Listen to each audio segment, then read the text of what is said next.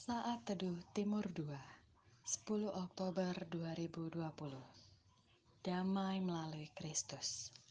Roma 5 ayat 1 Sebab itu, kita yang dibenarkan karena iman, kita hidup dalam damai sejahtera dengan Allah oleh karena Tuhan kita Yesus Kristus. Jutaan orang di dunia selalu mencari damai sejahtera tetapi tidak bisa memperolehnya. Tapi syukur kepada Allah oleh kasihnya, kita orang Kristen yang percaya menemukan damai sejahtera melalui Yesus Kristus. Manusia tidak bisa menciptakan kedamaian dengan usaha sendiri. Hal ini perlu keterlibatannya. Misalkan beberapa orang yang terjebak dalam kerusuhan yang tidak suka dengan keributan serta kekacauan, pasti akan menghindar dan menjauh dari kerumunan yang di dalamnya gampang tersulut amarah karena mayoritas yang dipengaruhi adalah hal yang tidak baik. Sebagai anak Tuhan yang memiliki terang Kristus, kita harus bisa membawa damai kapan pun dan di mana pun Tuhan telah tempatkan kita. Damai sejahtera dapat dialami ketika kita sudah menerima pengampunannya dan dipulihkan hubungan kita dengan Tuhan melalui darah Kristus.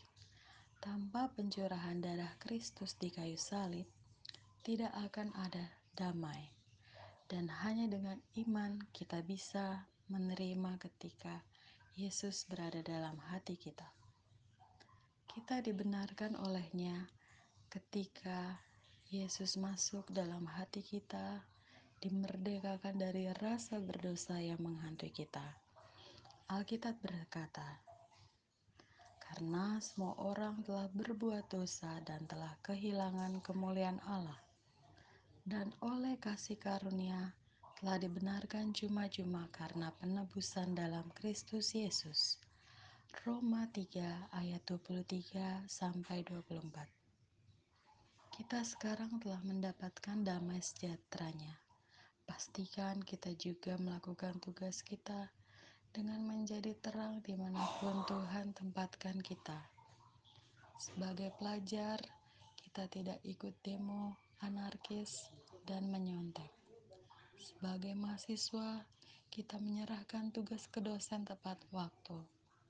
Sebagai pekerja ataupun karyawan, tetap melakukan yang terbaik yang bisa kita lakukan untuk perusahaan atau tempat kita bekerja. Di masa pandemi ini, biarlah kita tetap mengikuti terangnya yang ajaib dan damainya yang abadi yang dunia ini tidak dapat berikan. Tetapi semua sudah diberikan oleh Yesus Kristus ketika dia sudah masuk ke dalam hati saya dan saudara. Selamat menikmati anugerah Tuhan yang kekal. Amin. Tuhan memberkati.